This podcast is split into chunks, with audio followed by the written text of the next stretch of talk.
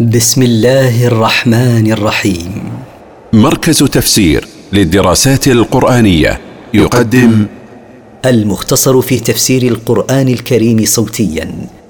برعاية أوقاف نور الملاحي.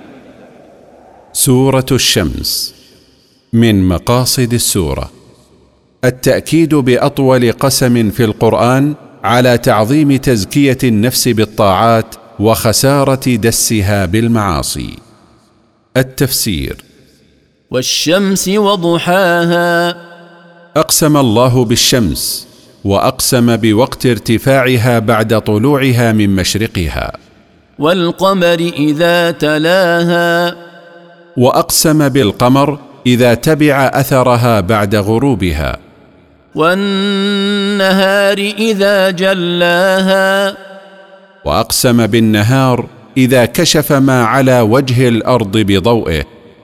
والليل إذا يغشاها.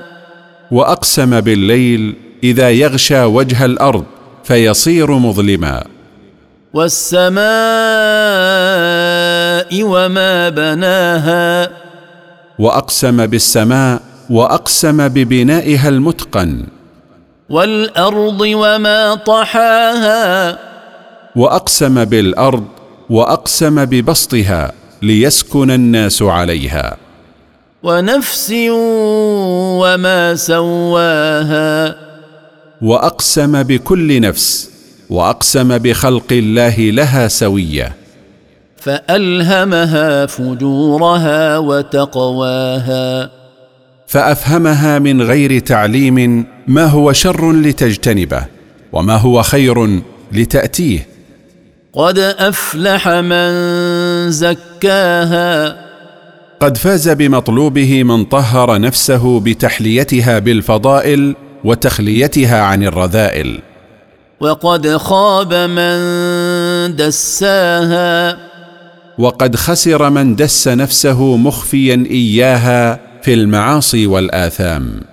ولما ذكر الله خسران من دس نفسه وأخفاها بالمعاصي ذكر ثمود مثالا على ذلك فقال كذبت ثمود بطغواها.